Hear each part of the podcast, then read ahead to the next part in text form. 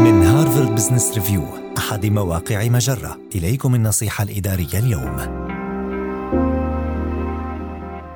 لحماية أفراد فريقك من الاحتراق الوظيفي شجعهم على حمل المسؤولية. نتحدث عادة عن مكافحة الاحتراق الوظيفي على اعتبارها جهدا فرديا يقوم به كل منا لنفسه. لكن منح الأولوية للصحة والرفاه يصبح أسهل.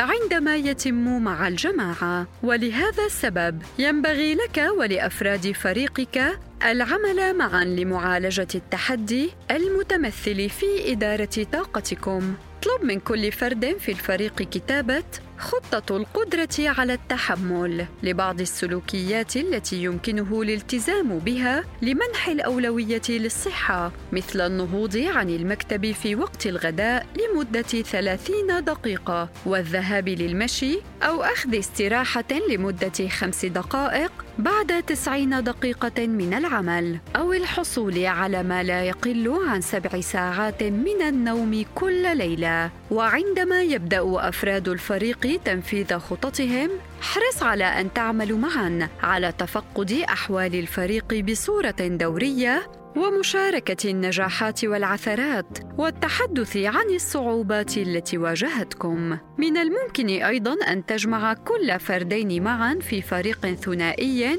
كشكل إضافي من المساءلة. مع مرور الوقت يمكن أن تساعد أشكال الدعم هذه الجميع على أداء أعمالهم بطرق صحية مستدامة. هذه النصيحة من مقال عندما تتعاون الفرق لمحاربة الإنهاك.